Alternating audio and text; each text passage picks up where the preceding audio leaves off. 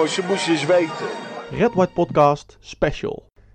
Ja, leuk dat je luistert naar deze korte special van de Red White Podcast. Zoals we al eh, hebben verteld, gaan we proberen zoveel mogelijk eh, van dit soort items te maken met eh, mensen die dicht bij het vuur zitten. En vandaag praat ik met Stef de Bond, FC Utrecht Watcher van tijdschrift Voetbal International. Stef, welkom bij de Red White Podcast. Dankjewel.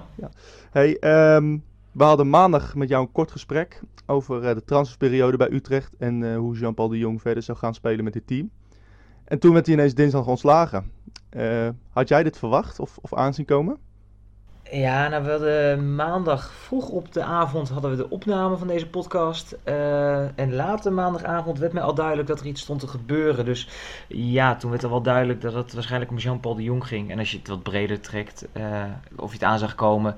Nou ja, iedereen wist dat dit een, een soort van gemaakte constructie was. Dus ja, het, als de resultaten tegen zouden vallen, dan ja, bestond de kans dat het uh, eindig zou zijn met Jean-Paul de Jong. Jij noemt het uh, trainerschap van Jean-Paul de Jong een gemaakte constructie. Is het denk je al misgegaan bij zijn aanstelling als trainer in januari? Uh, toen er ook al geruchten zich voordeden dat hij weinig draagvlak zou hebben bij, bij de spelersgroep? Nou ja, dat is met terugwerkende kracht makkelijk te zeggen. Ik heb ook wel mensen bij Utrecht voorgehouden. En ja, het antwoord is achteraf is het makkelijk praten.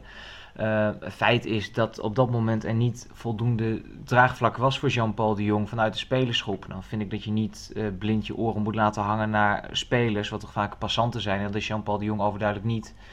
Uh, alleen dat was wel een heel duidelijk signaal. En de club heeft vervolgens er alles aan gedaan om het toch te laten slagen met Jean-Paul de Jong. Deels tegen beter weten in, denk ik. Uh, en ja, toen deze zomer, toen met, met de nieuwe constructie, met de assistenten die eigenlijk verantwoordelijk werden voor het voetbalbeleid en voor de trainingen. Ja, toen zagen wij ook allemaal wel aankomen van, ja, als er nu een paar wedstrijden minder gaat, ja, dan is het eigenlijk wel klaar met Jean-Paul de Jong. Ja, denk jij dat Frans van Zeumeren zich iets ervoor heeft laten leiden door emoties bij de, bij de aanstelling van Jean-Paul de Jong?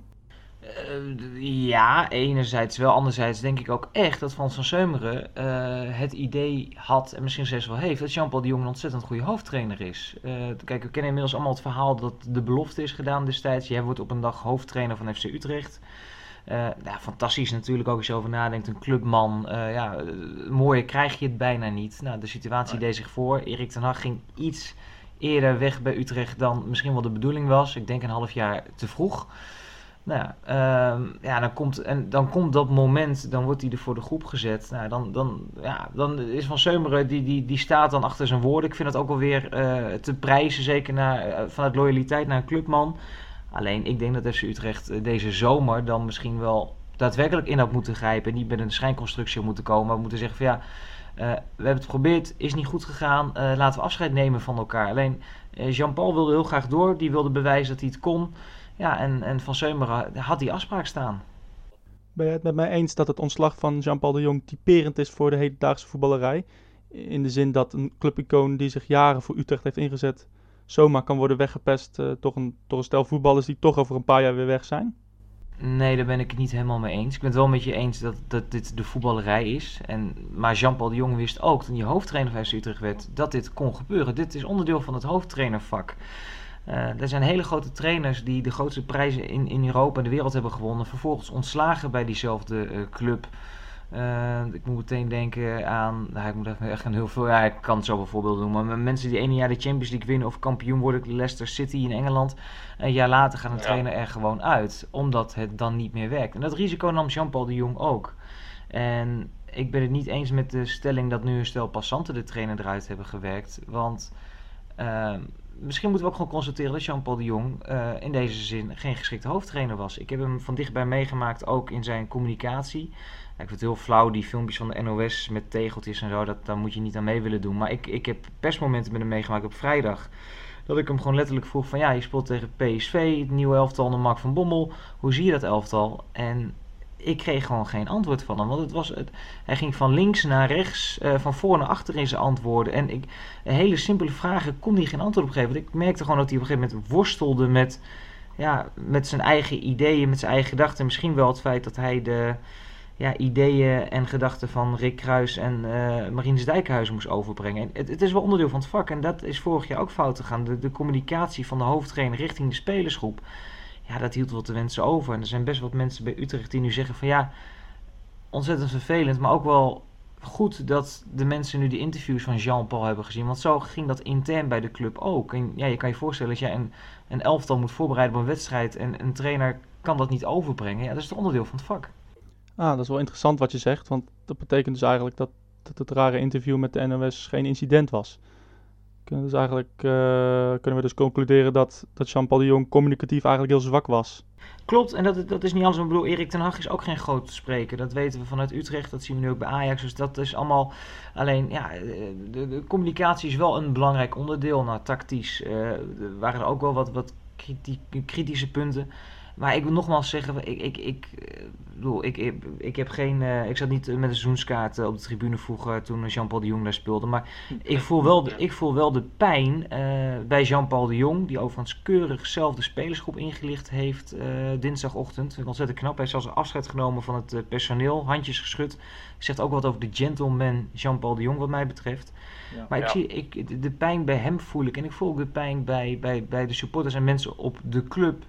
Want ja, uh, een trainer ontslaan is heel vervelend. Maar als het dan gaat om een clubicoon, ja, dat, uh, dat komt aan. Ja, en, en hij is, hij, wat je zegt, hij is clubicoon. Um, vind je dat uh, dit eigenlijk weer een teken is dat Utrecht zich heeft geprofessionaliseerd in de loop der jaren? Dat ze zomaar een, ja, dat ze gewoon een stap durven te nemen om een clubicoon te ontslaan? Ja, ja en nee. Je kan ook zeggen dat ze dus eigenlijk afgelopen winter een ontzettende fout hebben gemaakt door niet misschien de beste trainer voor de groep te zetten, maar te kiezen voor een clubicoon en een afspraak die eerder gemaakt is. Dus dat is een beetje dubbel. Uh, nu wordt er gewoon heel bewust gekozen voor, voor het seizoen. Er wordt gekozen voor uh, het elftal en voor het feit dat Utrecht gewoon bij de eerste vijf wil eindigen in de eredivisie. En ja, men zag het niet meer gebeuren met Jean-Paul Jean de Jong. Dat kun je heel professioneel noemen. Uh, uiteindelijk, na 34 wedstrijden gaat het daar ook om. Utrecht is een miljoenenbedrijf. Maar ik, ja, of het, uh, het is misschien nu professioneel, maar dan was het heel amateuristisch wat er eerder gebeurd is. Dus ja. ja. Beetje dubbel uh, in dat opzicht. Ja, um, nou ja, hij is dus weg. we hebben natuurlijk al heel veel namen gehoord die de revue hebben zijn gepasseerd. Uh, Alex Pastoor, Ruud Brood, Dick Advocaat, uh, Frank de Boer, Peter Bos. En, en gisteren was daar ineens het nieuws dat misschien Jaap Stam voor de groep zou komen te staan. Ja, wie, voor je, wie zou voor jou de ideale opvolger zijn voor het hoofdtrainerschap? Nou, ik denk dat dat zeker ook met de ervaring met deze spelersgroep. Ik moet zeggen, Utrecht heeft een sterke spelersgroep, maar ook best wel een ervaren spelersgroep. Daar moet, daar moet wel echt een, een, een persoonlijkheid voor de groep staan. Je kunt daar niet aankomen met iemand met pas 40 wedstrijden ervaring als hoofdtrainer. Of, of iemand die uh, alleen bij kleine clubs heeft gewerkt. Dus ik, ja, ik, ik, ik zou gaan voor persoonlijkheid. En ja, ik, ik zou het dan wel fantastisch vinden om een, uh, een trainer met een visie voor de groep te zetten. En ja, dan, als je dan alles zou mogen kiezen, dan zou ik toch kiezen voor een type als Peter Bos. Dat zou, ja, die zou dit, dit elftal ontzettend leuk kunnen laten voetballen en kunnen presteren. Nou, ik kan me voorstellen dat Peter Bos dat niet gaat doen. Die heeft nog een uh, afkoopsom uit uh, Dortmund, uh, ontvangt hij nog steeds. Ja. Op het moment dat hij ergens begint, geeft hij dat geld op. En ik heb het idee dat Peter Bos ook, ook ja, wat meer internationaal kijkt op dit moment. Uh, ja, de, de, naam Jaap Stam die werd uh, gistermiddag ook bij, bij ons bij VI uh, neergelegd. Dat hebben we eens even gecheckt. Nou, het is allemaal speculeren. Wij begrijpen vanuit de omgeving van Jaap Stam dat hij eigenlijk het liefste uh, weer in Engeland aan de slag wil. Dat het een ja, toch wel moeilijke situatie kan worden of dat werkelijk lukt. Maar ja, we nemen dit nu op op donderdagochtend, moeten we erbij zeggen. Het is de voetballerij. Dus voor hetzelfde ja. geld, op het moment dat dit uitgezonden wordt, is Jaap Stam gepresenteerd bij Utrecht. Want ja, zo eerlijk moeten we ook zijn. Typisch de voetballerij. Weten. Uh, maar ik, ik uh, ja, Ruud Brood werd overigens meteen ontkend. Uh, Fox bracht dat zo snel dat het bijna leek alsof het klopte. Dus dat hebben we even gecheckt. Nou, dat werd in alle toonaarden ontkend in, in Utrecht. Maar nogmaals, ik, ja, ik zou gaan voor een, een ervaren man. Ik zou gaan voor iemand met een persoonlijkheid. Want je zult ook hele moeilijke keuzes moeten maken. Je hebt de posities dubbel bezet. Met ervaren krachten die een redelijk salaris verdienen. Uh, dus je moet wel iemand met een bepaald statuur zijn die ook ja, bepaalde jongens met ervaring er gewoon naast durft te zetten de komende week. Ja, ja een beetje een, uh, een naam inderdaad. Maar denk jij dat, uh, dat Frans van Zeumeren en, uh, en Zuidam bijvoorbeeld voor een Peter Bos, die dus nog een afkoopsom heeft bij, bij Dortmund, zou, denk je dat zij de portemonnee voor hem zouden willen trekken en gewoon zeggen van, nou joh, die, die afkoopsom betalen wij wel? Of, of gaat dat niet gebeuren? Nou, de, de, de, de, Frans van Zeumeren heeft in het verleden vaak de portemonnee getrokken. Uh, alleen dit, dit gaat om, om, om bedragen, dat, dat, is, dat zijn we in de Eredivisie niet gewend. De bedragen die Peter Bos in Duitsland verdient en wat hij dus ook nog, uh, nog meekrijgt daar vandaan. Dus nee, dat, dat... Maar dat gaat dus om miljoenen? Niet, nou ja, ga ik niet over speculeren. Dat is, uh, ja. dat is dat, nee. Uh, maar het komt erop neer dat, dat dat echt aanzienlijke bedragen zijn. En uh, bij Utrecht als trainer verdien je ontzettend goed. Alleen dat zijn andere bedragen dan in de top van de Bundesliga.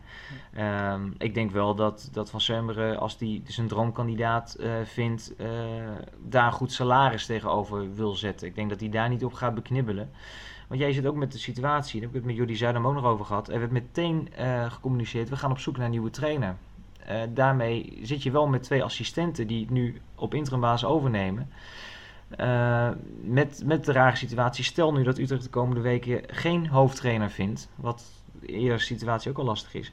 Ja, dan moet je eigenlijk weer verder met een soort van tussenoplossing, want dan moet je die interim trainers voor de groep zetten. Dus er staat behoorlijk wat druk op Utrecht om ja, toch binnen nu en, uh, nou, zeggen, een goede week toch met een hoofdtrainer te komen. Ja, maar dat zeg je, maar aan de andere kant denk ik ook dat... Uh, de hoofdtrainers uh, in de rij staan om, om met, dit, met deze spelersgroep uh, aan de slag te gaan. Denk je niet?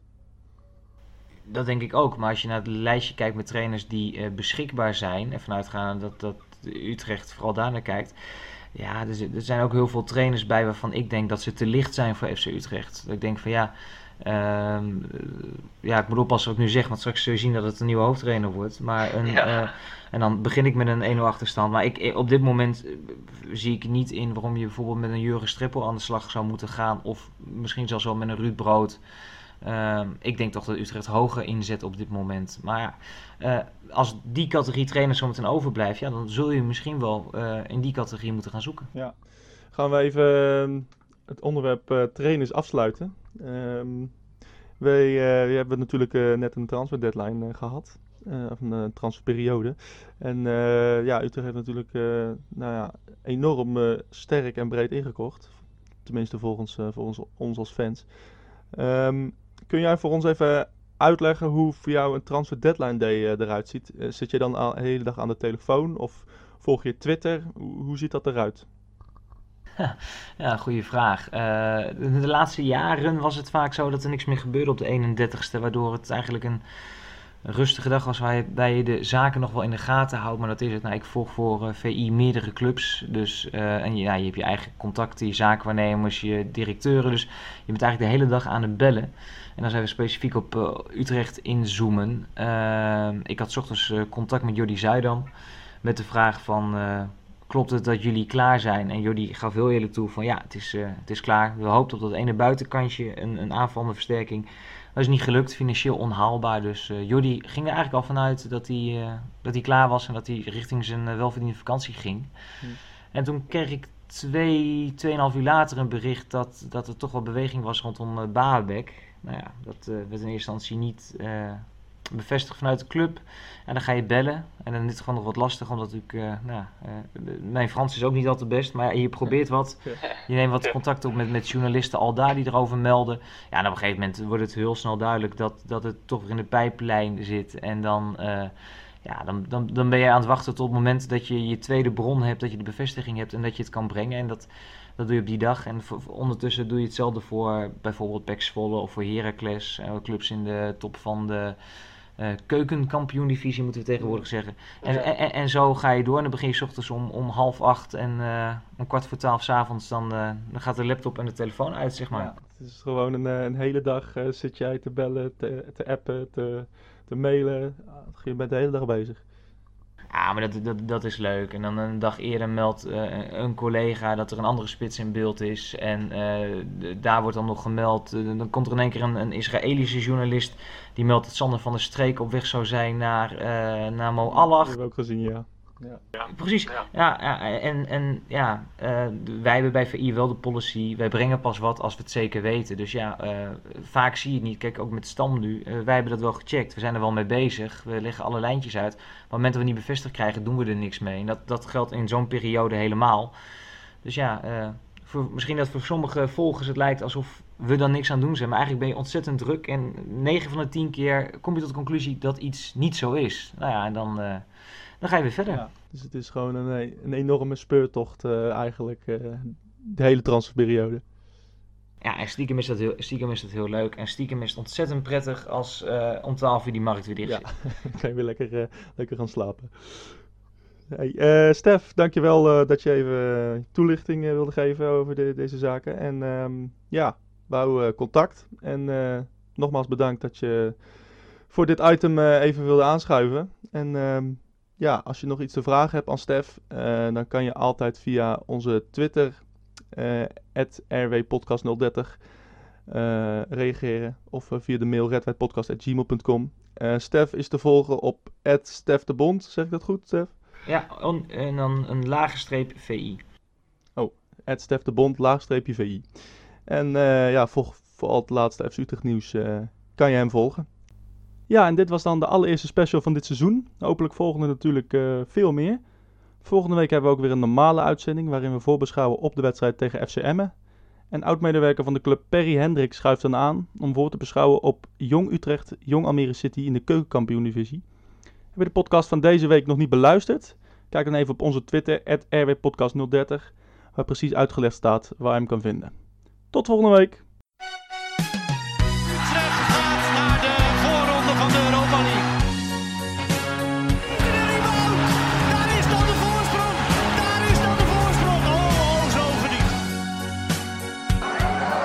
Jongen, jongens, je moest eens weten. Red White Podcast Special.